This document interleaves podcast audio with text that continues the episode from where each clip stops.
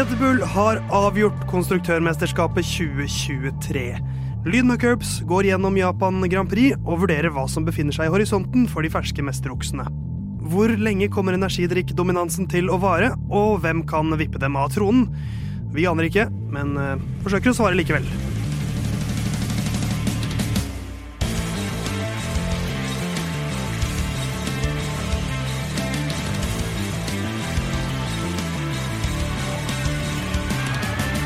Ja, ja, mens han Red Bull har blitt verdensmestere, hvem så den kommer vi gjør sånn med en gang. Vi må begynne med Jon Halvdan. Nei, men Jon Halvdan, du er her, den dialektløse mannen fra Tvedestrand. Det. Hvordan går det med deg, Fliden? Det går greit. Eh, Det er jo selvfølgelig eh, veldig overraskende at Red Bull ble konstruktørmestere eh, faktisk denne helga. Jeg er Det- litt overraska over. Det er ikke den siste ukens største overraskelse. Den største overraskelsen er kanskje at uh, tåkefyrsten fra Langangen, kronprinsen av Pjusk, Herman Borgstrøm, du er i studio. 74% av våre lyttere trodde ikke det skulle være det. Nei. Og Det er jo Jonas Gahr Støre i denne redaksjonen her. Du er på en måte det verste av kommunikasjonsstrategien til Erna Solberg og Jonas eh, Gahr Støre i ett menneske. Ja, Det er umulig men å jobbe med det. Det var et slags eh, sosialt eksperiment oppi det lå, fordi det ene var Det, det var det også da du sa spønk i selskapet i bryllupet til Jon Halvdan. Jeg trodde vi var ferdig med å snakke om det bryllupet. Det er sant, men her var det på en måte litt sånn uh, Hvor ønska er jeg uh, av mine medpoddere? Eh, Nei, som- altså så uh, Du kommer aldri til å se meg be på mine Nei. knær om at 'kom igjen, da, Herman'. Nei, for svaret var ikke så veldig, på en måte. Men det handler jo litt Herman, om at dette er et slags bløffespill. Ja. Hvor vi kå, jeg kåler litt bløffen din. jeg, jeg, jeg satt nå og forberedte meg på at hvis du ikke kom, så skulle jeg ta en telefon til deg etter sending og, og prate litt alvorlig med deg, faktisk. Eh, og det har ikke vi gjort så mange ganger. Hvordan skulle den praten vært? Nei, bare sagt jeg er litt skuffa over deg, Herman. Ja, ja. ja. For vi forventer at du kommer, når du ikke sier tydelig ifra at du ikke kommer. Da skal du være her. Og du er også fan av å ha eh, redaksjonsmøter på lufta. Ja, jeg er glad jeg slapp den telefonsamtalen, eh, samtidig som jeg fikk et frampek på hva det ville være. Men det som faktisk, det genuine her er at jeg var 99% sikker på at jeg kom til å bli syk. For jeg, jeg har hangla, som vi sier, Ja. i Porsgrunn siden fredag. Og jeg har spilt kamp. I dag var jeg oppe klokka fire for å jobbe. Så jeg, altså, alt lå i kortet at, at nå blir jeg sjuk. Men fy fader, det preller av denne karen, altså. Ja, fy fader. Jeg har vært sjuk siden uh, torsdag, men det er vel ikke noe mye sympati å få for det i denne redaksjonen? Ingenting. Å, jeg har så vondt i halsen min og litt tett i nesa, jeg. Og det har vært mitt liv i fire-fem dager, men ja. dere hører kanskje at jeg er litt nasal i dag. Jeg. Men jeg føler meg fysisk i ganske god form. Og når jeg ser min gode gode venn Herman, som du faktisk er, Herman, Ja. komme inn i studio her med en flott grønn lue på, da blir jeg glad. Og det holder for meg. Og så kan du jo tenke deg, for du hadde vært nasal siden torsdag. Ja. Prøv deg et liv som nasal, du. Ikke sant? Så da kan du begynne å sette ting i perspektiv. Men føles det litt godt å sette folk på plass? For det er tydelig at ingen har tro på dine Altså én av fire Lydna Cubes-lyttere tror ikke på din helse. Nei, det skjønner jeg. Og så har det jo Jeg har jo ganske et hissig fravær. Eh, Hvis vi hadde vært på videregående, så hadde det jo vært litt sånn Å, sketsjy med vitnemål, Ja. med vitnemål og det Ja, kjøret altså, der. Ja, du får jo ikke sluttvurdering denne sesongen. Nei, nei, det er sant. Så jeg skjønner, jeg plystrer, og skjønner at eh, lytteren ikke har trua på meg. Eh, Men du har troen på en god episode i dag, eller? Nei. Har du troen på det, Jon Hoffmann? Eh, ja, Hvordan går det med deg, forresten? Formen fin? Uh, Formen er fin. Uh, Prøver å Det er ikke så veldig lenge til. Lenge til. Eh, Jeg skal eh, noen uker til eh, blant annet Japan. Eh, Så prøver å ikke bli syk eh, før eh, den reisen. Jeg skal prøve å ikke hoste i din retning i dag, Nei. i, i tilfelle jeg fortsatt bærer på noen basillusker. Um, enkelt og greit, 74. episoden av Lyden av Curbs er det i dag. Jeg tenker vi sier som så, I episode 74 av Lyden av Curbs skal vi oppsummere Japan Grand Prix. Hvor i Japan Grand Prix så har eh, konstruktørmesterskapet blitt avgjort for 74. gang i Formel 1. I den 74. sesongen av Formel 1 så er det Red Bull som avgjør da i Japan. Så den lina opp fint, den. Eh, rett og slett eh, skal vi dundre i gang og prate om Japan Grand Prix. Og så skal vi prate litt om eh, straffesystemet i ikke fotball, Herman, som du Nei. liker best, eller håndball, men i Formel 1. Eh, Red Bull sin fremtid, eh, hvordan det går med Checo Perez, Logan Sargent, eh, intriger i Mercedes. Det er mye å ta tak i, men vi får begynne å prate litt om Red Bull.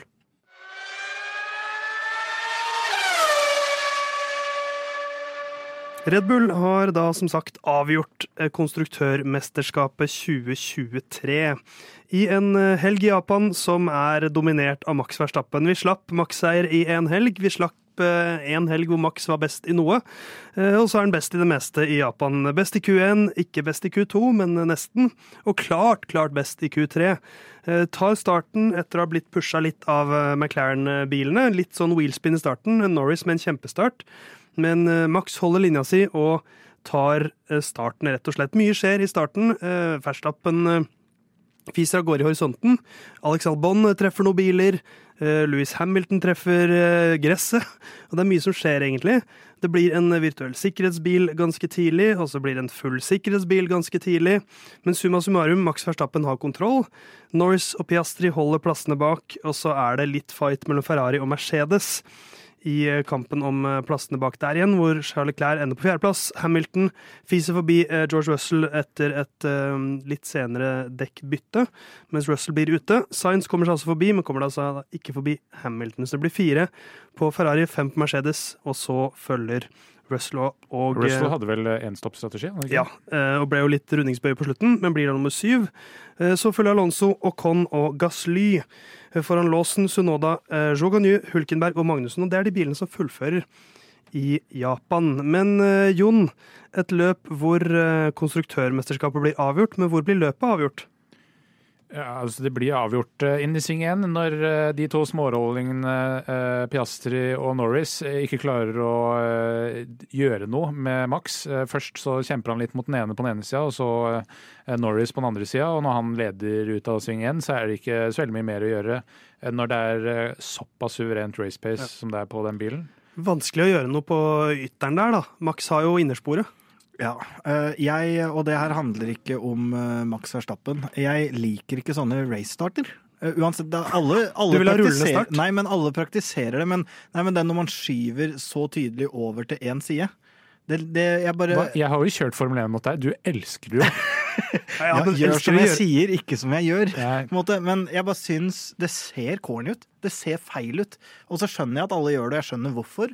Og det skal jo være en fordel å starte foran, og hvis du da eh, vil skyve mot den Men Så jeg skjønner logikken, og jeg skjønner at ikke det er feil, men jeg syns det er en uting. Vil du ha at, som, at det skal være som, som et um, oppløp i langrenn, hvor du har sånne lanes? nei, hvor du har sprint lanes. Du, du må velge deg, og når du har valgt ditt spor, så kan du ikke bytte! du vet, Herman Sett opp sånne små grentuster på problembanen. Herman syns det er så spennende i Formel 1 fra før, så vi må ta bort forbikjøringer Nei, på uh, men da. racestarten. Nei, men uh, det er jo bare lov å bytte spor én gang i uh, en innbremsing, f.eks. Ja, Nei, du har ikke lov å bytte spor i innbremsing. Nei, men ganske ofte i en sånn start, da, så starter de Si at du starter på venstre side av banen, og så svinger du grovt over på høyre. Og så svinger du grovt over til venstre igjen fordi du skal få en best mulig Ja, det, det er lov. Ja, det er lov i en racestart.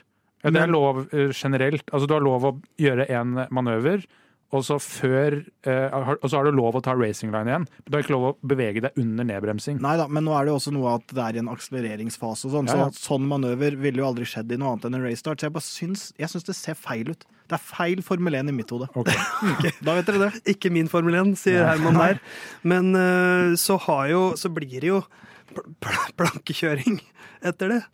Eh, ja, For Max, i hvert fall. ja, altså det gjør jo det. Det er jo eh, på en måte kontrastfylt eh, helg for det Red Bull-laget. For eh, For å si det mildt. Eh, ja, det kan man jo eh, si mildt. I kvalifisering så er maks da eh, Hva blir det? Ni tideler foran eh, Tsjekko i, i Q3. ja. Tsjekko blir der nummer fem. Eh, og så har vi en løpsstart der eh, det er to hendelser som skjer samtidig. Eh, det ene er eh, eh, lenger bak, som er kanskje det som synes best, er Ocon tar en eh, fra Spa i eh, 2012, der han bare veiver over, til, over mot venstre uten å egentlig tenke at her kan det være noen biler. Så han kjører inn i Bottas, eller får iallfall Bottas til å svinge over inn i Albon. Og lenger framme har du da Charlie Clair, som har egentlig en ganske sjokkerende løpsstart. Sainz som kommer rett opp på sida av han. Uh, Peres mellom der, og så har du Hamilton ytterst. Og da blir det kontakt mellom Hamilton og Peres. Eh, akkurat hvem som er skyld der, kanskje mest Peres, for han kan trekke seg i den situasjonen. Ja, men samtidig det er, altså, Hamilton får jo litt skade, så det er på en måte han som taper mest på det. Ja, men det er jo Eh, vingeskade på Red Bull nå. ja, så, ja, sant det. Han ender jo med en, med en DNF-er. Men jeg, jeg syns Jeg syns den, den til Ocon er verst, syns jeg. Ja, definitivt verst. For den i front syns jeg er sånn, det er racing incident. Det er starten. Der må man få lov til å veive litt og pushe litt. At han ikke får eh, straff for den, syns jeg nesten er rart med Ja. Ocon. eh, Fordi det er, det er altså øh, oversikt bare rett ut av vinduet. Men det er jo heller ikke sånn F1 Racing Herman vil ha. Nei. Nei, de skal jo kjøre Ja. i sitt felt Ja, og eh, skal- og vente på tur. Men den der eh, til eh, Perez, eh, når Perez og Hamilton treffer hverandre i racestarten der, der kjenner jeg meg igjen i Perez. Og bare det som er litt eh, snodig, er at det er jo når jeg er litt hard med den stikka på PlayStation, Ja. så får jeg en sånn liten skyv ut der. Ja, ja. eh, Som egentlig ikke er noe ondskapsfull. Det er liksom bare Du er litt Nei, det- for uvøren på stikka. Ja, altså Det var jo ikke noe intensjon her, eh, og det er jo for meg et race-incident. Mest Peres sin feil, fordi han er den som er bakerst, sist til åstedet og kan trekke seg. Men eh, vanskelig å klandre ham for det, eh, sammenligna med alt det andre som jeg skal klandre ham for. Ja, og så er det kommer senere, for her- det er jo da ingen som får noe straff her, eh, og det liker jeg. Ja. At jeg jeg syns ingen av de tingene som skjer her, er nok til at noen fortjener straff. Men det er fortsatt mulig å si at det var din skyld. Mm, Det er det. Uten, at man skal få noe så- konsekvens annet enn eh, guilt. Der er til og med jeg enig. Ja, det er fantastisk når vi er enige om én ting.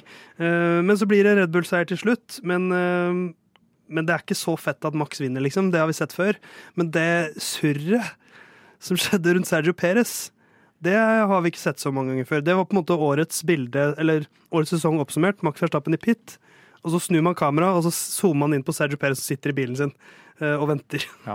Eh, Hva var det egentlig som skjedde her, Jon? Ja, altså For det første da så har du Perez. Han pitter eh, under safety car, som kommer etter den eh, starten. eh, bytter til harde dekk og skifter frontvinge.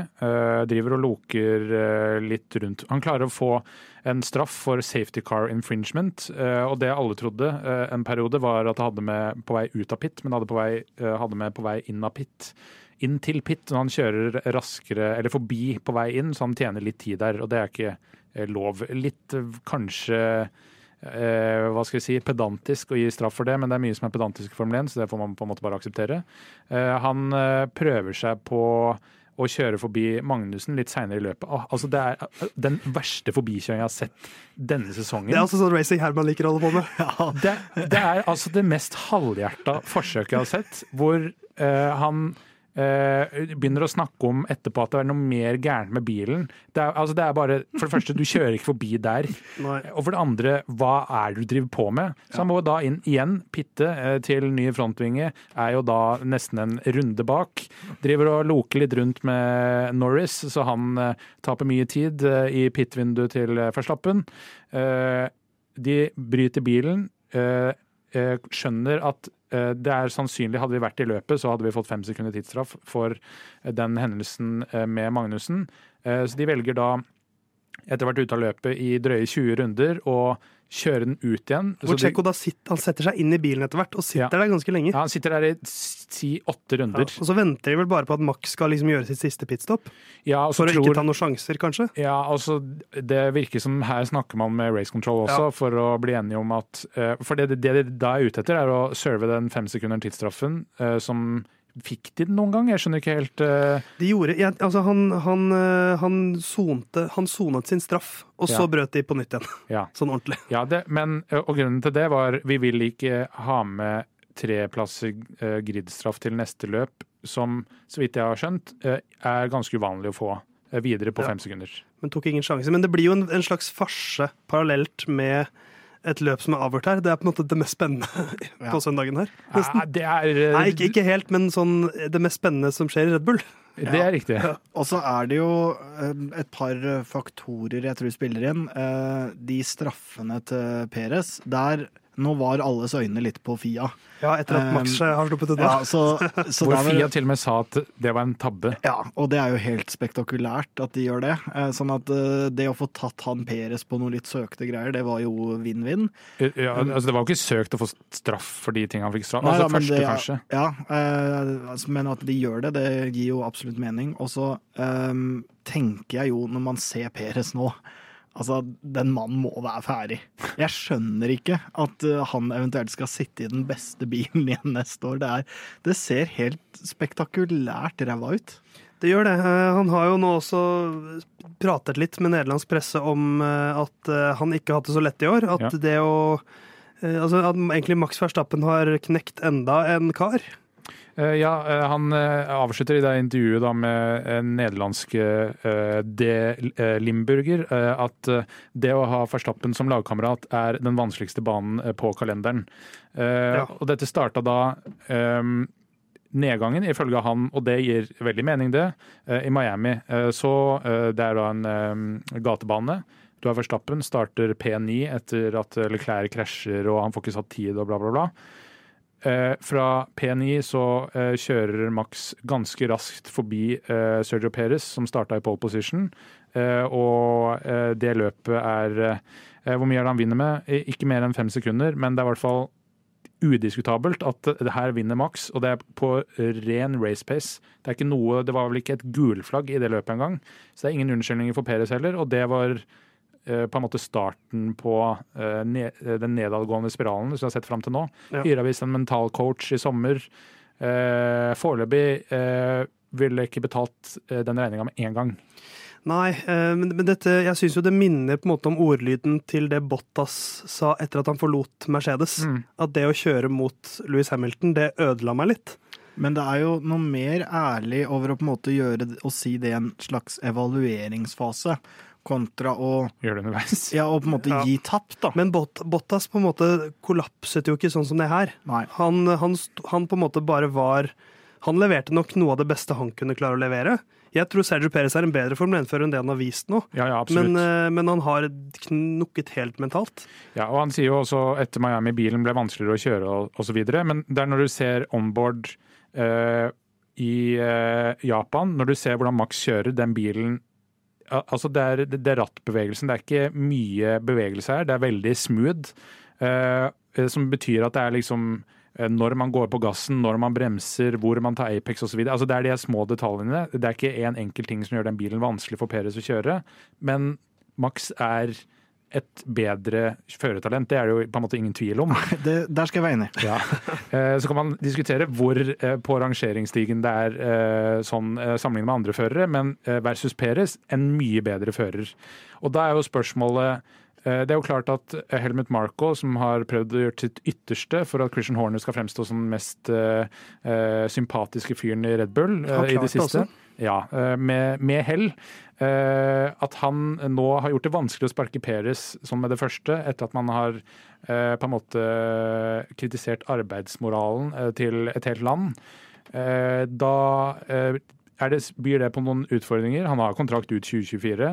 Eh, Red Bull kan eh, kicke han ut eh, likevel og betale ut kontrakten. Det, er det- skjer ikke nå. ja, men det er seks løp igjen eller noe sånt. ja, ikke nå, men på slutten av sesongen. For spørsmålet ja, er, har vi, Når er McLaren på vei opp. Mercedes har, ser jo bedre ut. så spørsmålet er hvordan de ser ut neste sesong. Eh, og jeg vet at Verstappen hadde vunnet konstruktørmesterskapet her alene. Men det er ikke gitt at det skjer neste sesong, og da trenger man en bedre andrefører. Ja, nå har eh, altså Max Verstappen nådd 400 poeng. Eh, Mercedes, eh, som er nummer to, har 305. Så den er grei, Max. Du er fortsatt best. Nest best i Japan, det var McLaren. De skal vi prate litt om nå.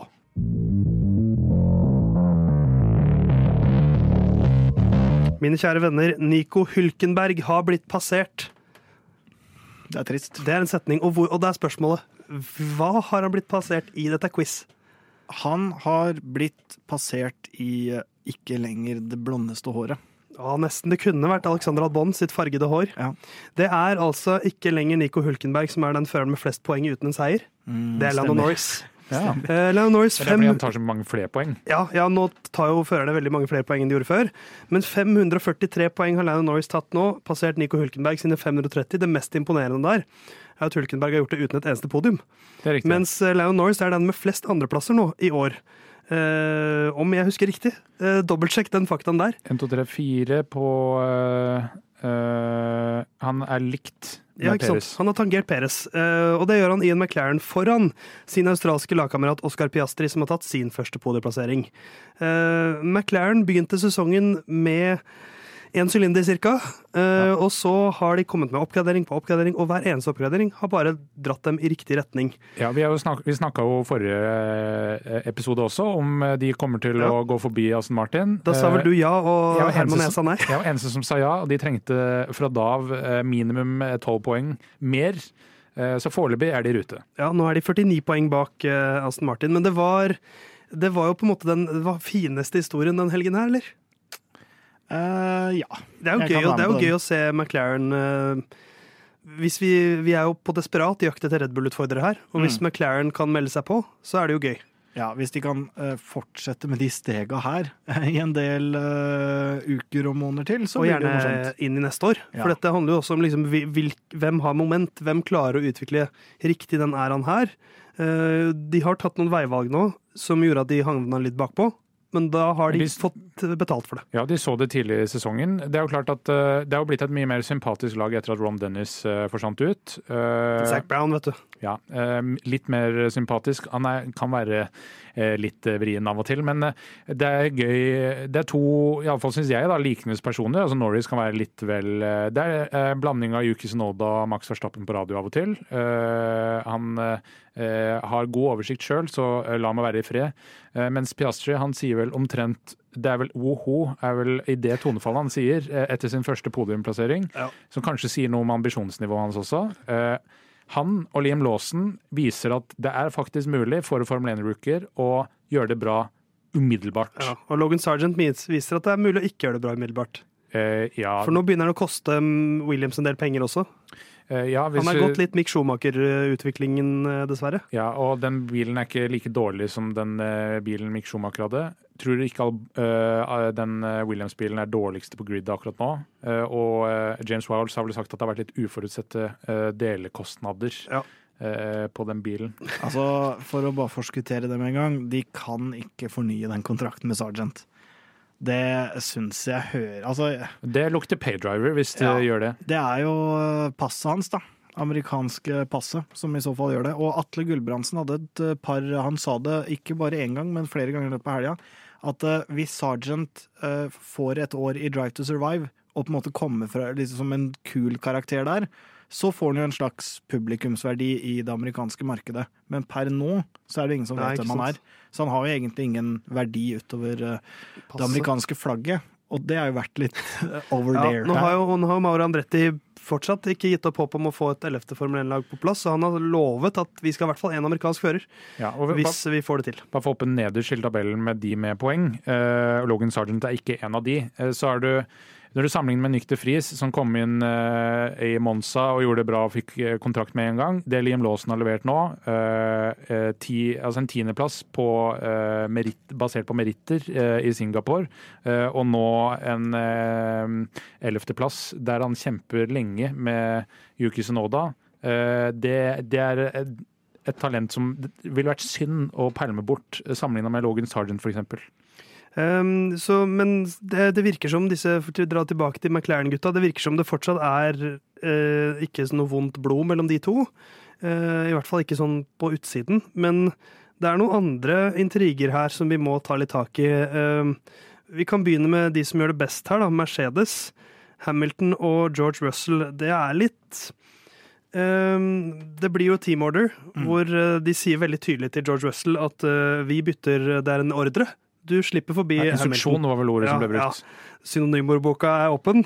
Ehm, med fire runder igjen så slippes uh, Hamilton forbi, og da er Sainz rett opp i girkassa på Russell. Russell med eldre dekk, og kanskje Da kan man jo spørre seg. Russell vil si hvis Louis hadde ligget bak meg, så kunne han forsvart seg lettere i min eh, deres sone, og vi kunne blitt fem og seks. Mm. Eh, så vil kanskje Mercedes si vi tror at Sainz da hadde gått, kommet forbi oss begge to.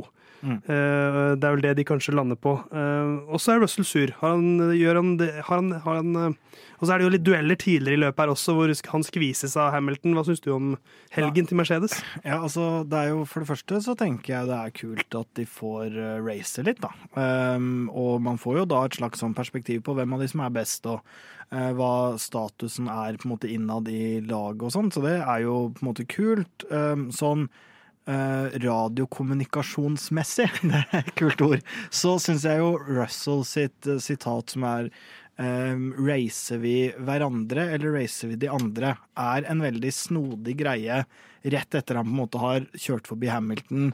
Um, Hamilton altså liksom at når de racer hverandre Han er jo den som egentlig starter det, og det er jo ikke det at det, han ikke skal kjøre forbi Hamilton. Ja, fordi Alle har jo sikkert sett et klipp av Prost og Senna inn i Castro-triangelet, som er den siste sjikanen, eh, hvor eh, eh, en av de kjører bare rett inn i den andre. og Det er jo der Hamilton og Russell sin duell starter. Russell kommer best ut av det, men blir forbikjørt inn i sving 1 igjen.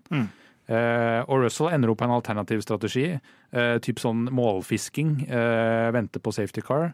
Eh, eh, ender opp med en enstopp. Hamilton er raskere, eh, og det er også blitt beskrevet eh, Racer Russell de andre, eller bare Hamilton? For han forsvarer seg aldri så hardt mot noen andre som han gjør mot Hamilton, selv på forskjellig strategi. Ja, og så er det jo uh, ganske tydelig i den situasjonen, syns jeg, at uh, Hamilton blir tatt på senga av at Russell plutselig er forbi. Uh, og da tenner jo han til når han kjører forbi inn i sving 1 igjen. Og da tror jeg nok eh, at han sine albuer er litt høyt oppe. De er jo gærne hele gjengen. Eh, så når han da på en måte ender opp med å skvise Russell litt ut av banen og sånn, det er jo på en måte Russell som legger opp til det.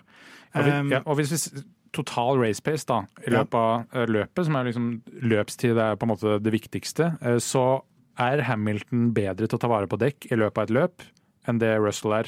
Mm. Eh, Så derfor tror jeg heller ikke han forventer den forbikjøringa, for da er han allerede i tire management-strategi, eller modus, Mm. om du vil. Så er, Russell fremstår litt rar. Ja, men han, han har, det har vært litt sånn rar stemning i Mercedes etter ferien. Fordi at uh, Russell før Japan hadde vel slått Hamilton i tre kvaliker eller på rad eller noe sånt.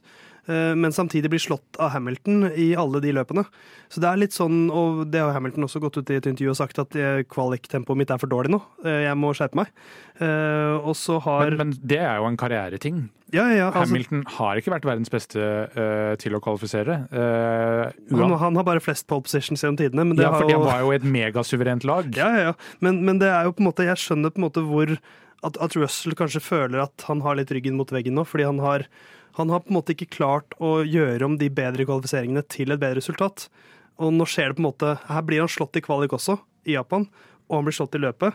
Eh, samtidig som jeg tror han sitter og føler at jeg er egentlig raskere enn eh, Hamilton over én runde. Det Eh, og så klarer han ikke å takle det helt. Men det Eh, hjelper jo ikke. altså Det er jo det samme med Piastri. Han kaller jo høyere enn Norris. Er vel å merke bak etter sving 1, men eh, løpstempo så er det jo Han ender jo eh, nesten 20 sekunder bak. Ja. Eh, som er, eh, som Piastri også har sagt, det er liksom Han er ikke fornøyd. Jeg tror det er derfor han er så skuffa over det løpet, selv om det blir tredjeplass, eh, er dårlig race pace. Og det samme er litt for Russell. Selv om han prøver seg alltid på noen alternative, alternative strategier, så funker det ikke nødvendigvis. Og så blir han litt sånn Ja. sur, eller føler bare fordi jeg ligger forrest på banen nå. Men det er på en måte første sesongen hans med på en måte, altså, hva skal man si, at karrieren har stagnert litt. For i Williams så var det veldig lett å, å, fremstå veldig lovende, og alt gikk i riktig retning, fordi at ingen forventer noe av deg når du kjører Williams der de var da han kjørte der. Så kommer han inn i Mercedes, slår Hamilton ganske klart første sesongen. Ja, Hamilton var på alternative greier videre for å finne ut av den bilen her. Fortsatt en goat, vet du. Men, ja, ja, ja, ja, men fortsatt sånn uh, Russell var, tok klart flere poeng i fjor, og da var det sikt sett hvordan han har hatt det. Å liksom slå, Russ, uh, slå Hamilton i din første sesong i Mercedes. Ja. Tenkte vel sikkert nå skal jeg inn neste år, skal jeg faen knuse han igjen. Og så går det ikke sånn. Men det er, det er jo litt uh, Hvis vi sammenligner Albon i Williams og Russell i Williams, så er det Russell var- ble kalt Mr. Saturday. Uh, ha-ha. Eh, veldig morsomt. Det er ikke bare han som er god på lørdager, men han ble aldri kalt Mr. Sunday. Og det Albon er mer der.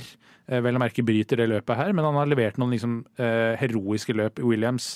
Og der tror jeg er litt sånn forskjellen for Russell også, at eh, det er lett å være superstjerne når du tar pole position, eh, eller omtrent pole position, i eh, det er løpet i spa. Ja. Hva ble det? Tredje P2 eller P3? P2 tror jeg det vel Ja. var. Eh, uansett, da. Og man får det setet til Bottas, så er det lett å føle at man fortjener mer. Ja. Men ingenting man fortjener ingenting i Formel 1, man må gå og hente det. Uh, og hvis vi skal snakke om medmenneskelig drama uh, Det blir en slags sånn kamp om smuler som skjer helt til slutt i dette Formel 1-løpet. Alpinbilene uh, ligger på 9. og 10. plass egentlig hele siste delen av løpet. Hvor Ocon ligger først av de to veldig lenge. Helt til det bare er noen runder igjen, hvor de er, da prøver å kjøre inn Alonso. Eh, Han klarer ikke å komme noe veldig mye nærmere, og de ender opp med å si til Gasly at du skal få en sjanse. Han klarer heller ikke å kjøre inn um, Alonso. Og da, hele siste runden, så driver de og forhandler med Gasly, hvor hans eh, race engineer nærmest må tigge ham om å slippe forbi Ocon. Og sånn demonstrativt, i siste svingen, så stopper Gasly opp og slipper Ocon forbi. Og så sier eh, race engineer du trenger ikke å si noe, vi snakker om dette senere. Eh, og det var sikkert en situasjon som du syntes var gøy å se på, Herman. Ja, det er eh, litt sprøtt, og jeg syns jo Og det er snakk om to poeng eller ett poeng. Ja, men det viser jo bare at alle som er på det, på å konkurrere på et så høyt nivå, de er litt eh, idioter, hele gjengen. Det er så riktig. Uh, og jeg syns uh, av de to, da, så kom jo Ocon best ut av det. Uh, sånn i hvert fall med tanke på hvordan han prater om det i etterkant. Og sier, for, han har jo på en måte mer å vise til. Sånn har det alltid vært i det laget her. Sånn var det når vi Men holdt på. Men hvis vi ser eh, tabellen under ett, så Ja. er det ene poenget det som eh, skiller Gasly fra å være A-poeng med Lance Stroll og ett poeng bak. Ja da, Men... Så hvis man ser plasseringsmessig, så er det en litt rar avgjørelse så seint i sesongen. Ja, det kan jeg være enig i. Det er eh, Men ja. Men samtidig så er det jo, det er jo litt sånn uskreven regel at hvis, hvis eh, Ja da, ja da. At, at for at førerne skal godta en sånn uh, team order og slippe forbi en lagkompis, så er det sånn hvis han ikke klarer det, da skal jeg ha den plassen tilbake. Ja. Eh, samtidig så er det er vel det Gasly henger seg opp i, at dette ikke ble avtalt på forhånd. Eh, men det er kanskje litt vanskelig å se at man skulle ende opp i den situasjonen at man kanskje kunne kjøre forbi eh, det som en gang var den nest raskeste bilen på griden eh, i Fernando Alonsos hender. Eh, men eh, ja, ja, de, de er gærne. Det de er dette de, de hater å tape og gi fra seg noe. Og så er det den, og så kommer det jo til og med noen sånne franske håndbevegelser fra Gasly Ja. der, sånn, som, på ekte. Han sitter og gestikulerer i bilen. Ja. Og eh, de har jo en bakhistorie også, Gasly og Con. eh, som de på en måte har klart å legge litt lokk på og legge litt bak seg, samtidig som ja, det er jo umulig å glemme. Ja. Det er noen arr der som ikke er borte. Selv om de sårene kanskje har grodd, så er det fortsatt arr der. Det er jo både der og med Magnussen og Hulkenberg, så er det jo en sånne mm, En historie Men jeg tror det som stikker dypere her. Ja, ja, Hulkenberg og som du pleier å si, Herman, Hulkenberg og Magnussen det er mer en slags ærlig skurkerelasjon. Ja, det er sant. De, de har på en måte slått hverandre i trynet, mens Ocon og Gasli er med dolking i ryggen. Ja, det er sant. Jeg er enig i det. Eh, Men det blir to og ett poeng til eh, alpin eh, likevel, som gjør at de kommer jo ikke noe særlig nærmere. Nå er det Red Bull som har vunnet. Mercedes er nummer to. Det er jo en ganske interessant fight mellom de og Ferrari nå, hvor det er 20 poeng som skiller dem. Aston Martin er jo langt bak på fjerdeplass og har da som sagt 49 poeng til McLaren. Alpin 84, Williams 21, Haas 12, Alfa Romeo og Alfa Tauri 10 og 5. Er det flere lag vi snakker om? Eh, Nei, bare tabellen sånn eh, generelt, da. Eh, Det er eh, 33 poeng mellom Peres på andreplass og Hamilton på tredje. Eh, Det, det er ikke umulig at det kan eh, bli noe av. Eh, Så er det også Norris eh, på sjuende, eh, som leder på countback eh, mot Russell med 115 poeng hver. Ja, det er også et lite øyeblikk altså, i sesongen her. Ja, Jeg skjønner at, at eh, George Russell er litt sur og bitter. For han, for, han føler vel at han, at han fortjener mer. ja det, han har vært så utrolig uheldig denne sesongen, vet du, Theis. Eller eller er det noe jeg skal si? Vet du hva? Han har jobba masse med å utvikle bilen. Han har tatt masse alternativ. det er et plott twist. Nei, vi får se litt på hvordan vår tipping har gått av. Om det blir noe bitterhet der, det kan vi vel nesten garantere.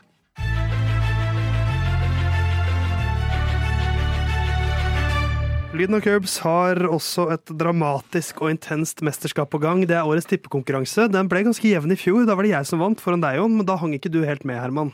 Men nå, nå er det ganske jevnt. Og Jon, du skal få lov til å forklare reglene. Ja, tusen Heng takk. med, folkens. Tusen takk, Theis. Eh, Vi tipper jo da pallen, eh, der du får tre poeng for riktig person på rett plass. Eh, eh, Ett poeng for riktig person på pallen, men på feil plass. Så har vi i tillegg eh, ukens sjuking, der vi skal tippe en sjuk hendelse som skal bli godkjent av minst én annen i studio, eh, som kan gi potensielt 20 poeng. Eh, Og i tillegg så deler vi ut et bonuspoeng til den som er nærmest, fordi eh, eh, Hva skal jeg si? Spoiler alert. Det ble ingen ukens sjuking denne gangen heller, og det har ikke gått inn noen av rundene. Men bare for å summere opp poenga først, så kan vi diskutere det siste poenget etterpå. Vi tippa alle tre Verstappen på førsteplass, det gir da tre poeng hver. Jeg og du, Theis, hadde Peres på andreplass, null poeng, mens der hadde Herman Piastri, som gir ett poeng. For det er en halvtreffer. Er Ikke dum den, altså, Herman. Nei, den er faktisk ikke så dum. poeng. Eh, Så har vi da tredjeplass. Der tipper jeg Leclerc, eh, Theis Sainz og Herman Russell. Null poeng til hver. Eh, Og det gir jo da en eh, poengstilling. Eh, Gjestene får alltid tre poeng hvis Verstappen vinner. Eh, De har nå 46 poeng. Så har vi Herman på 62 poeng, Theis på 66 og jeg på 69 poeng. Nice. Eh, Ja, eh, Den episoden er vi ferdig med. Men ikke tallet, Jon. Det er riktig. Eh, Vi får vente til episode 169. Ja, gleder meg. Da er det da, eh, Bare for å oppsummere ukens sjuking. Eh, ingen av de gikk inn. Eh, vi, skal tippe, vi skal bli enige om hvilken er nærmest. Jeg tippa at minst én av hver motor, Red Bull Powertrains, Mercedes, Ferrari og Renault, bryter. og det, det står ikke her, men jeg nevnte da at det må være mekaniske grunner til at de bryter. Eh, Theis hadde at Louis Hamilton tar pole position raskeste runde og vinner løpet når The Empire Strikes Back. Eh, Jeg brukte ganske mye tid på å lage en filmposter til det. Eh, Se det ut på TikTok og Instagram. Og I tillegg så tippa Herman at Yuki får ny kontrakt når Q3 og får minimum P6. Ny kontrakt, det sa vi. Det er ikke kokain. Ja. Eh, Vi sa eh, at det at eh, Yuki får ny kontrakt i Japan, det, det er ikke noe utrolig. Ja. Men, men jeg tenker at jeg skal få lov til å begynne å argumentere for hvorfor jeg skal ha poenget. Okay, for. For jeg, det, jeg, jeg sa feil sist. Jeg mente Max Verstappen. Nei, nei, nei. nei. For han, to, han tok jo faktisk et hat trick her. Hans, hans niende hat trick. Fire av dem, nei, fem av dem da. Nei, jo, fire i årets sesong, hvor det da er pole position, raskeste runde og seier. Så da er den min, altså. Nei, slutt å tulle. Det er lov å prøve seg. Nei, vet du hva, jeg, jeg, skal, jeg skal ærlig og redelig si det er ikke mitt poeng denne uka. Så det står mellom dere to. Ja, eh, fordi eh, det er jo eh, Og da blir det jeg som bestemmer, da. Det blir jo på en måte det. Og om det er mekaniske årsaker eller idiotiske årsaker, det er litt vanskelig å si. Albon og Logan Sargent, begge to kjører for Williams med Mercedes-motor. De brøt sammen med Lance Stroll i Aston Martin, også med Mercedes-motor. Så har du Sergio Perez, det er jeg helt sikker på at det var motoren det var noe gærent med, fordi han måtte ut og teste om de hadde fått fiksa det.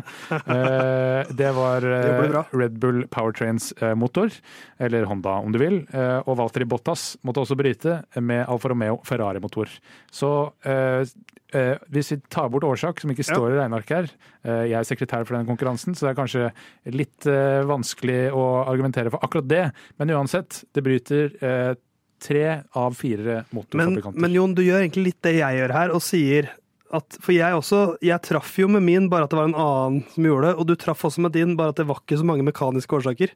Eh, Eh, så, men, men du er på sporet av noe. Fordi at jeg, jeg satt og tenkte liksom ja, han er på sporet av noe, for det var variasjon på de som brøt. det er riktig. Eh, Herman, forsvarstalen din. Jeg har to av tre inne. Uh, Den og, ene teller ikke. og den uh, Og hvilke to er det du har inne? Uh, Q3 Ja. Og kontrakt. Yes. Og i tillegg, altså den Man kan si at uh, det var ikke gitt at uh, han skulle få kontrakt, men det var overbærende sannsynlig ut fra rykter og timing. Men den nyheten kom jo, var det lørdags morgen.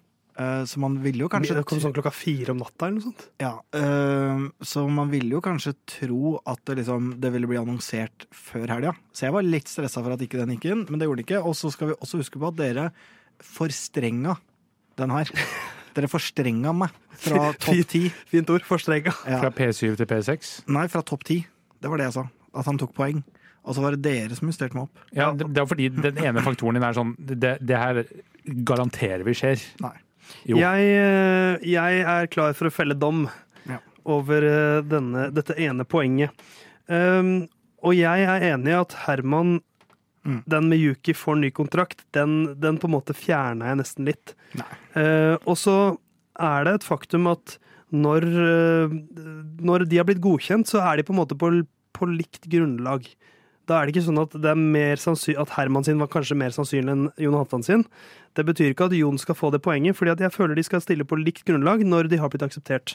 Um, så syns jeg det er såpass sterkt at Yuki kommer seg til Q3. Mm. Jeg syns det er på en måte egentlig sjukere enn at Uh, en del biler ikke fullfører, som er jo egentlig det som skjer i Jons tilfelle. Det er ikke så mange som gjør det pga. mekanisk trøbbel.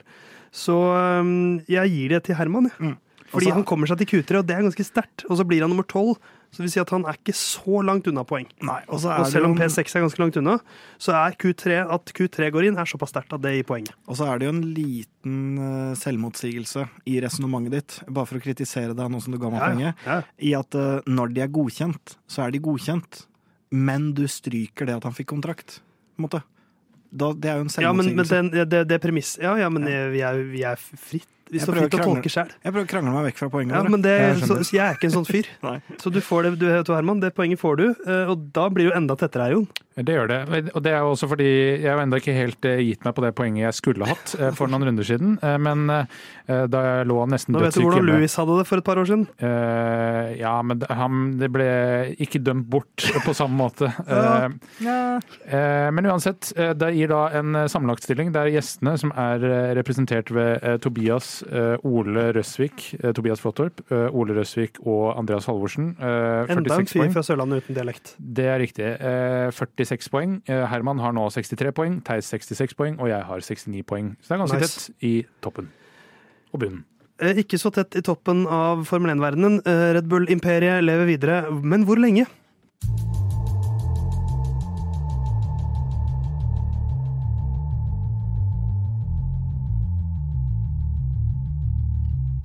De østerrikske oksene har tatt sin sjette tittel som konstruktører. Den andre på rad. De vant også i 2022. Vant jo da førermesterskapet i 2021, men da var det Mercedes som vant konstruktørmesterskapet. Eh, offisielt så gjør de det. Um, det er ikke så uvanlig i moderne Formel 1-sport at eller det er uvanlig i moderne Formel 1-sport at en konstruktør bare vinner én gang. Jeg har sett litt eh, de siste tiårene, og siden 1980 Tiårene, var det du sa? de, de, Ja, de siste tiårene. Ja. The last decades. Ja. Eh, Så er det Sa jeg noe? Er det feil å si tiårene? Nei, tiårene, sa du. Å oh, ja. Nei, jeg hørte riktig. ja. Takk, Herman. Jeg stoler på den pjuske hørselen din. Ja, jeg hørte Siden, Det er vel bare siden 1980 så er det kun tre ganger at et lag har kun har vunnet én tittel uten å forsvare den året etter. 2009. Eh, vi, vi, tar, vi tar det historisk eh, på rekkefølge, vi, Jon. Ja, vi Benetton. starter det jeg husker. I 1995, eh, McLaren i 1998 og Braun i 2009. Det er de tre gangene siden 1980 at et lag da har bare vunnet én tittel uten å liksom klare å forsvare den.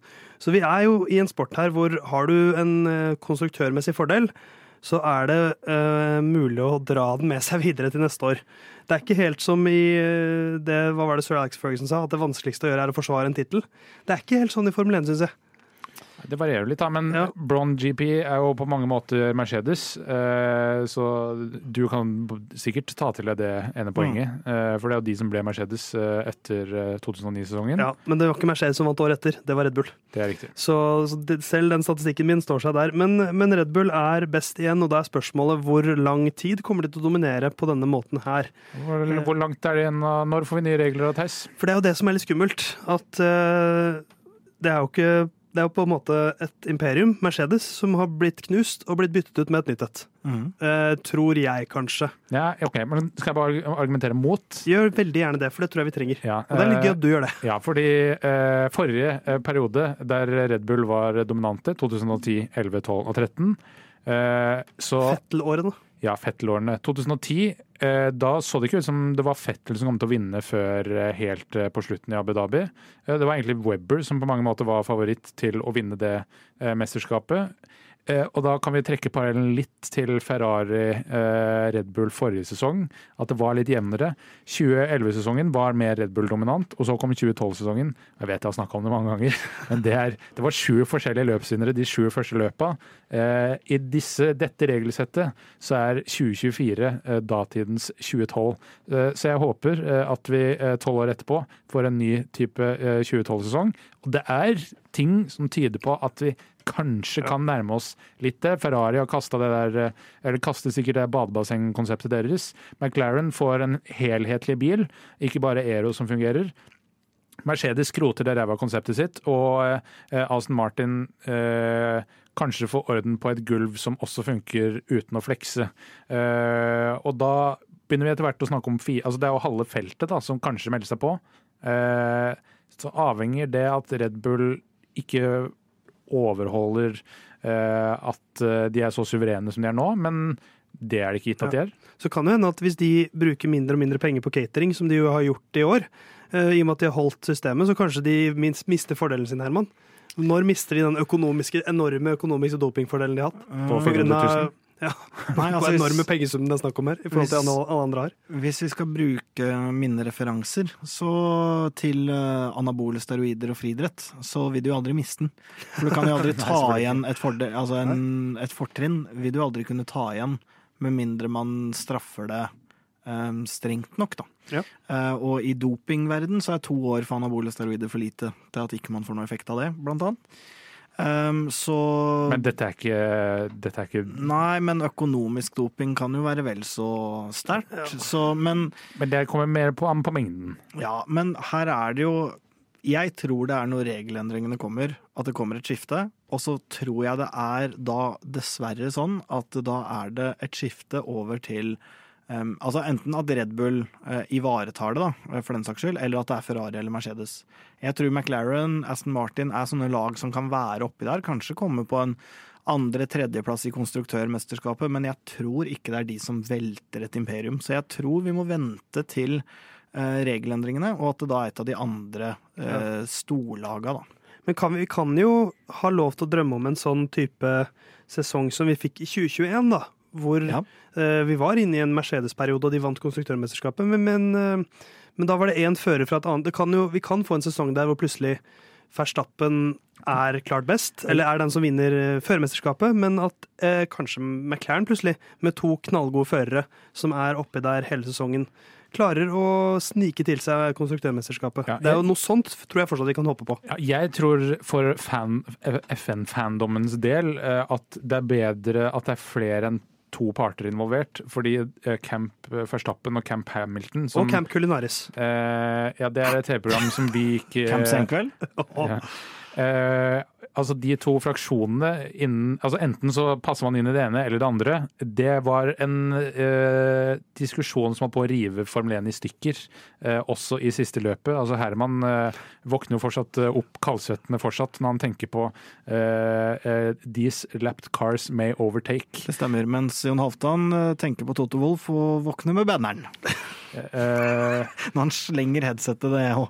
Da Det er det mest sexy Jonathan vet om, er det, det, Ja, det eller er det det du mener? Jeg tror faktisk det. Jeg tror kanskje det er øh, det. Fun fact, jeg solgte nettopp leiligheten min til en som jobber med Camp Culinaris. ja, ikke, ikke dårlig. Bare for å flytte tankegangen bort fra Toto Wolff. Den karen kommer til å bli godt trent opp i femte etasje uten heis. Ja, det skal jeg love deg. Men, Men, eh, men bare for å ta eh, McLaren, da. De har eh, vunnet konstruktørmesterskapet åtte ganger. sist i 1998. Men Ja. da klarte de ikke å forsvare det, som du selvfølgelig husker, Herman, som jeg sa i stad. For da vant Ferrari året etter, og da begynte en Ferrari-dominans hvor de vant seks år på rad. Ja, Det er jo eh, Michael Schumacher og Tire Wars osv. Så, videre. så det er liksom helt annen tid. eh, og hvor man også drev på med refueling og bla, bla, bla. Eh, helt, helt annen Formel 1-periode enn det man er inne i nå. Ja. Men McLaren har iallfall uh, historikk om at de kan vinne. Hvis Aston Martin eh, Altså det er jo, eh, Vi snakker om eh, ønsker Eller det Formel 1 har ønska seg, er en type Leicester eh, vinne eh, Premier League eh, i Formel 1. Veldig vanskelig å få til. Aston Martin er på en måte de som har vært nærmest. Eller Brown. Eh, Brown GP er jo kanskje eh, Men det er bare en rebranding. Det var jo et Honda-lag. Hvor man, eh, vi, vi får se hva slags motor vi får plass til. Jo, vi får plass til en Mercedes-motor. Man hadde den double diffuser-greia som gjorde at de var eh, eh, rimelig suverene. De Eh, MacGyvera seg til en tittel. ja, de gjorde egentlig det. Ja. Eh, og da er det også Ross Braun som står bak seks konstruktørtitler til Ferrari også, så det var ikke en eh, ingen-person eh, som eh, drev på med det. Eh, så eh, ja, spørsmålet er er Mike Crack og eh, Lawrence Stroll eh, riktige personer til å lede et lag eh, til eh, tittelutfordring. Så lenge Lance Stroll er i det laget, så er mitt svar nei. Ja, det tror jeg stemmer. Eh, Jeg, jeg, min drøm er at vi kommer oss litt bort fra For selv om vi har noen jevne og spennende sesonger her, så er det liksom sluttsummen på kassalappen som teller. Og vi er litt inne i en slags æra, æra av Formel 1-sporten, hvor du hadde en Red Bull-æra, så hadde du en Mercedes-æra, og nå er det tilbake. Det er sånn pendel som svinger nå. Ja da, men jeg aksepterer mye mer at det er en Og, ja. dominansperiode. 2016 for eksempel, når Rosberg og Hamilton eh, konkurrerer hele sesongen, aksepterer det mye mer. Eh, også 2021, selv om Mercedes vant, så aksepterer jeg det bedre, eh, fordi sesongen var helt idiotisk, enn denne sesongen. Helt enig. Det, det finnes mange filmer jeg har sett, Gratulerer. som jeg er helt sikker på hvordan ender. Ja. men som jeg fortsatt har kost meg veldig med. Uh, hvor da reisen, reisen er målet, og ikke slutten, kanskje. Ja. Um, så jeg, jeg håper jo at året, altså neste, det, årets sesong har jo vært kjedelig. Uh, så det eneste Det skal ikke så mye til for å få en litt mer spennende sesong neste år. Og hvis Mercedes klarer å tette litt av luka, McLaren fortsetter framgangen, og Aston Martin Og er enda nærmere. Og Ferrari. Hvis, hvis vi har liksom fire faktor, fire lag som faktisk kan eh, være noen steg nærmere, for Red Bull kan ikke klare å øke luka, kan de det? De kan jo Eh, selvsagt det, men, men jeg ser på det som litt det, det er vanskelig å få en mer suveren sesong enn i år. Ja. Um, For Verstappen, i hvert fall. jeg vil ikke tro kanskje at de øker luka, men det kan godt hende at de er på liksom cirka det samme nivået. Um, Mercedes klarte jo det i mange år, um, og hvorfor skal ikke Red Bull kunne klare det? Jeg tror jo um, det er litt som eh, en referanse kanskje bare du av alle som hører på nå, Theis, tar. Men når det er en fjelletappe i Tour de France, Ja, ja. og så Ole Røsvik er med på den. ja, og så forventer alle at nå blir det angrep på den gule ledertrøya, og så skjer det ingenting. Og det er egentlig ingen som kan forutse det. Da sitter man i studio og sier eh, men det er den neste etappa det vil bli avgjort. Så jeg tror det er litt der vi er nå, med at eh, det året her det sier oss ikke så mye. Red Bull har, uh, har vært uh, soleklare favoritter og i så å si hvert løp. Men hvis ikke noen er vesentlig nærmere neste år, da kan vi i hvert fall bare kvittere ut 2025 og se mot 2026. Ja, eh, fordi, ja det, er, et godt poeng. Eh, Det er ting som tyder på at eh, Red Bull kanskje ikke kan sette opp bilen kun til race pace hvis de vil ta pole position neste sesong, med hvordan utviklingen har vært på enkelte biler. Bare ta Monza, da, hvor Science slår Verstappen, faktisk. Og så har du et Det er selvfølgelig mulig for Red Bull å øke konstruktørmesterskap-gapet, om man kan si det, fordi Perez har underprestert. Men, Men, får de inn en som kan utfordre Verstappen, så kan vi jo få en Rosberg-Hamilton-sesong, og det er jo gøy. ja, altså det, jeg tror til og med Hamilton, eh, Hamilton Både Hamilton og Herman lever med det. Eh, så altså, Så lenge man, Max ikke vinner. hvis man får inn ja, men er, Nei, jeg tror ikke det spiller så mye rolle. For Herman, jo. Ja, for Herman. Men hvis vi får Han elsker Red Bull, da. får inn Daniel Ricardo, eh, for eksempel, eh, og det blir tett kamp til døra, men Verstappen vinner med tre runder igjen eller noe. Altså Får vi inn eh, Ricardo i Red Bull, så gir jeg flatt F i hvor mye Verstappen vinner. Da er jeg Red Bull-fan. Ja. Så det, det er veldig greit. Så jeg vil ha, få Ricardo opp der, for guds skyld. Det er konklusjonen her. Eh, Det vi vil til neste år, få de andre lagene litt nærmere og få Ricardo inn i Red Bull. Og kanskje få ordna litt på straffesystemet, eller?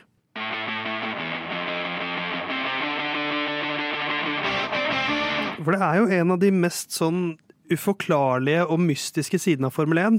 Det er den, det straffesystemet. Hva gir straff? Hvorfor får man straff? Hvordan u, eh, skal den straffen sones? Og hvorfor fikk ikke den føreren straff når den føreren fikk straff for nøyakt, noe som var nesten nøyaktig likt en uke tidligere? Eh, mye gråsoner og mye forvirringer, og det som skjedde med Sergio Perez nå i Japan, hvor han blir sittende i bilen sin og bare vente, eh, og så på en måte ta en Det er litt som når eh, veldig rike folk får en bot, og så er det sånn ja, de, de tjente fem milliarder, men de får en bot på én milliard. Men litt av problemet, da. eh, eh, Formel 1 Sporting Regulations er et Word-dokument på 107 sider. eh, Litt, som, hvorfor er det søtt at det er et Word-dokument, og ikke en PDF? ja, altså Det er en PDF, men jeg ser den er lagd i Word. og Det er kanskje mitt problem mer enn noe annet. Har de Word-art? Eh, nei. De Skrevet i Comic Sans? Uh, Kalibri heter Wingdings. fonten. Kalibri heter fonten. Uh, men de har da eh, Det er 67 sider med hovedmateriell, og så er To det, til kan de få til. eh, så er det ni appendix, eh, eller eh, tillegg. Ett av dem er fra Alexander Adbond Nå er jeg on fire. Eh, Eh, Appendix. ja, eh, Blindtarm. osv. Ah, ikke sant. Den burde jeg tatt, Ja. som eh, så å si amerikansk. Eh, Men ni, ni, ni vedlegg som gjør at det er kompliserte regler. Du får Japan i fjor, som er Vi vet ikke hvem som har vunnet. At noen har vunnet førermesterskapet fordi vi har skrevet reglene på en så innfløkt måte at ingen tror på det de ser, når de ser at live-tabellen viser at Max vinner. Men ryktene skal jo ha det til at de reglene eh, Det er ikke de appendiksa, da, men de 67 originale sidene, de blei jo funnet på en steintavle av en kar som het Moses. Ja, ikke sant. Bjørn Ekelsen. Det er, jeg, setter pris på bibelske referanser, men jeg, og jeg anerkjenner at eh, Formel 1 er ekstremt komplisert idrett. Det er ikke som i hva skal man si, mer fysiske idretter, som løping f.eks., hvor det handler om å løpe rundt en bane. Det er ikke så komplisert, det. Men eh, når det er liksom sånn som i går, da, hvor du får en straff det, det, er, det er veldig ofte, føler jeg, i Formel 1, at du får en straff som egentlig ikke har noen konsekvenser. Sånn som når du, Hvis du får en fem sekunder, hvis du får, for å ha ødelagt løpet til en annen, hvis du får fem sekunder her som Peres får, som ikke får noen som helst form for konsekvenser for han. Uh, og det er det jeg kanskje vil litt bort fra, Ja, men på et vis. Fordi altså, den konkrete situasjonen i løpet her er jo uh, den femsekunderen som han får etter Magnussen, som han da etter har brytt får tildelt. Og det er ikke gitt at det ville blitt konvertert til en gridstraff til neste løp, men Red Bull tar ingen sjanser. De skal ha 1-2 i Qatar, fordi vi må vise oljenasjonen at eh, energidrikk eh, det er det som er greia. Uh, og, men, men det er ikke noen regler for når du har DNF-a, eh, kan du ikke komme tilbake igjen. Det er ikke Du kan bare DNS, hvis noen husker eh, Det var vel spa-starten. Eh, det var kanskje 2021, men der Reine og Peres kjørte ut på formasjonsrunden. Så ble jo det løpet utsatt og utsatt, og da diskuterte de veldig på om Red Bull, eller den bilen, kunne stille til start. For det er noe annet å trekke fra start enn å bryte i løpet. Ja, for det, det, det er på en måte Det er veldig sånn teknikalitet, dette. Men når, når du ødelegger løpet til en annen fører, og så på en måte kanskje har du ødelagt ditt eget løp også, og fordi du har ødelagt ditt eget løp, så får det ikke noen konsekvenser. Men Sånn egentlig. det er, jo, det er jo to måter å se det på. Det ene er jo at man må få en mer rød tråd i dømminga. Um, og det betyr kanskje at man må se på sporten med litt uh, nye briller. Kult. Jeg tror faste men, briller vil ha mer ja, å si. faste briller, samme briller hver gang, men fortsatt litt nytt blikk på sporten. At ikke det nødvendig... Altså, alle idretter har godt av å uh, bli litt mer modernisert. Det skjer jo i fotball, det skjer, har skjedd masse i håndball, som jeg snakka om før. Um, så det er klart det, det skjer i Jo, eh, det skjer i Formel 1 òg, men at det kan være litt mer av det. Og så er det det andre um, perspektivet, og det er kanskje det jeg liker best. Det er eh, de fotballdommerne som dømmer i lavere divisjoner sitt eh, perspektiv. Kan vi ikke bare spille av, gutter? Altså, De er ikke kommet der for å blåse i hjel noe kamp, og det er egentlig det, det er det jeg lander på at jeg vil gjøre òg. Bare minst mulig sånne involveringer. Få det bort. Ja, men, men da lander du også på et sted hvor det blir mye stygg racing. Vi- på. Du, du, du- for det blir jo konsekvensen her. Ja. Hvis alt er lov. Så, så da blir, du vil jo ha doping i OL, for eksempel. At alle bare kan dope seg så mye de vil, de vil. Fordi at får det på. Vi skal, vi skal bare Det er ikke så viktig med regler. Men, men, men hvis vi ser litt sånn større på det, da, så uh, det- ble jo snakka veldig mye i 2021-sesongen. Uh, men igjen nå, når eh, Peres kjører inn i Magnussen Uh, OK, og sier han må skifte vinge, da, og det koster 80 000 kroner eller 100 000, da må Red Bull betale det eh, av sitt budsjett inn i eh, budsjettet til eh, Has, sånn at ikke det koster de noe. Det liker jeg. At man må på en måte at, ja, at man ikke kan bare peke på forsikringsselskapet og si 'dere tar det'. Nei. At man eh, må faktisk eh, ta fra sparepengene selv. Ja, fordi det, det, hvis vi tar eh, eh, Hvis eh, Sergeant eh, hadde blitt krasja ut av alle de her eh, eh, Nå har han klart å krasje ut alene, men at noen andre var involvert som var skyld, så hadde Williams hatt mer penger til utvikling av bil. Nå er det selvfølgelig en tenkt veldig søkt situasjon, for det er Sergeant sjøl som har kjørt ut. Han må betale fra sin lønn. har det vært noen store krasj mellom førere denne sesongen her som har ført til at folk har måttet bryte? Nei, men det har vært noe små. Sånn som uh, Kevin Magnussen, som ble tatt ut her av Peres. Ja. Det er jo noe skade, jo noe skade på Has-bilen som de må betale. på en Da, måte. det har jo vært mye reinere kjøring de siste to åra, når Verstappen har vært så overlegen. Så har jo Når Hamilton har vært ute av TT-kampen, da ble det mye ryddigere. Det blir konklusjonen. Vi skal sikkert prate mer om eh, regler og straff etter hvert, men eh, vi skal takke for oss før vi sier ha det bra.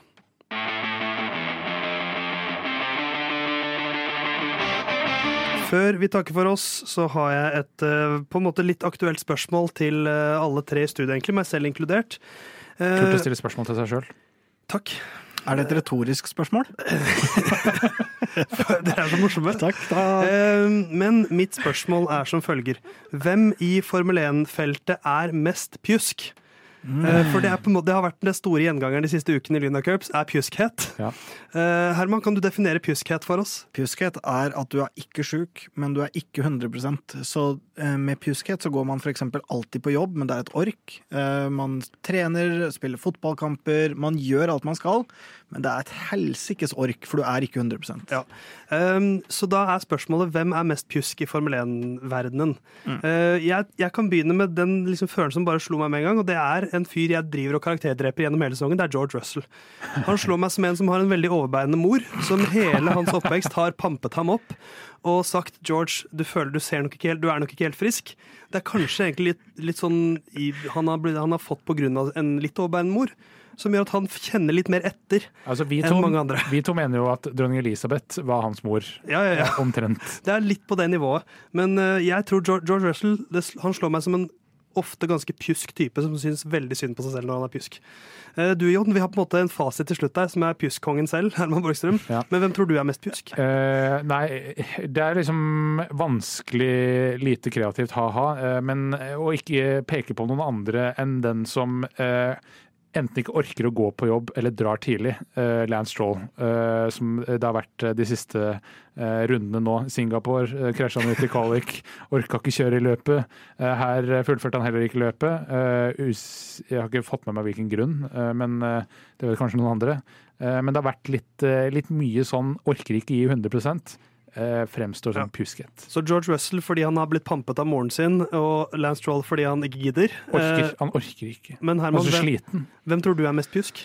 Det er to gode kandidater, eh, som jeg var innom begge to. Eh, og så er det litt sånn På en måte så tenker jeg Yuki Sunoda. Eh, lat og ha-ha og alt det her. Men når jeg til syvende og sist han gidder bare ikke, og det er ikke å være pjusk, nødvendigvis. Kan hende han er pjusk òg. Ja, men det jeg lander på, er jo at det er den mannen som på en måte er likest meg i, uh, i sirkuset.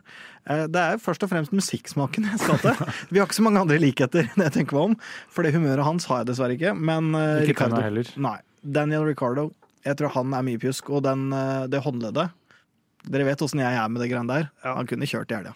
På med noe støttebandasje og la det stå til. Ja, Sportsteip. Så eh, da sier vi til Russell og eh, Ricardo og eh, Stroll Å, jeg har så vondt i halsen min og litt tett i nesa, jeg.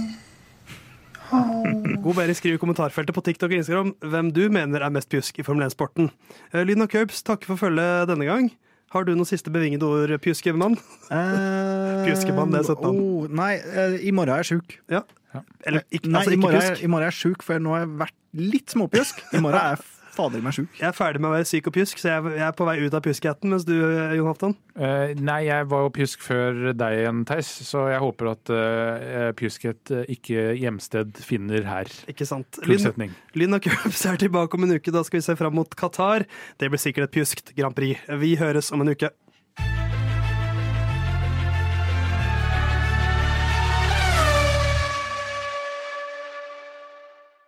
Good luck this weekend, Stroll. Å, jeg har så vondt i halsen min og litt tett i nesa, jeg. Åh...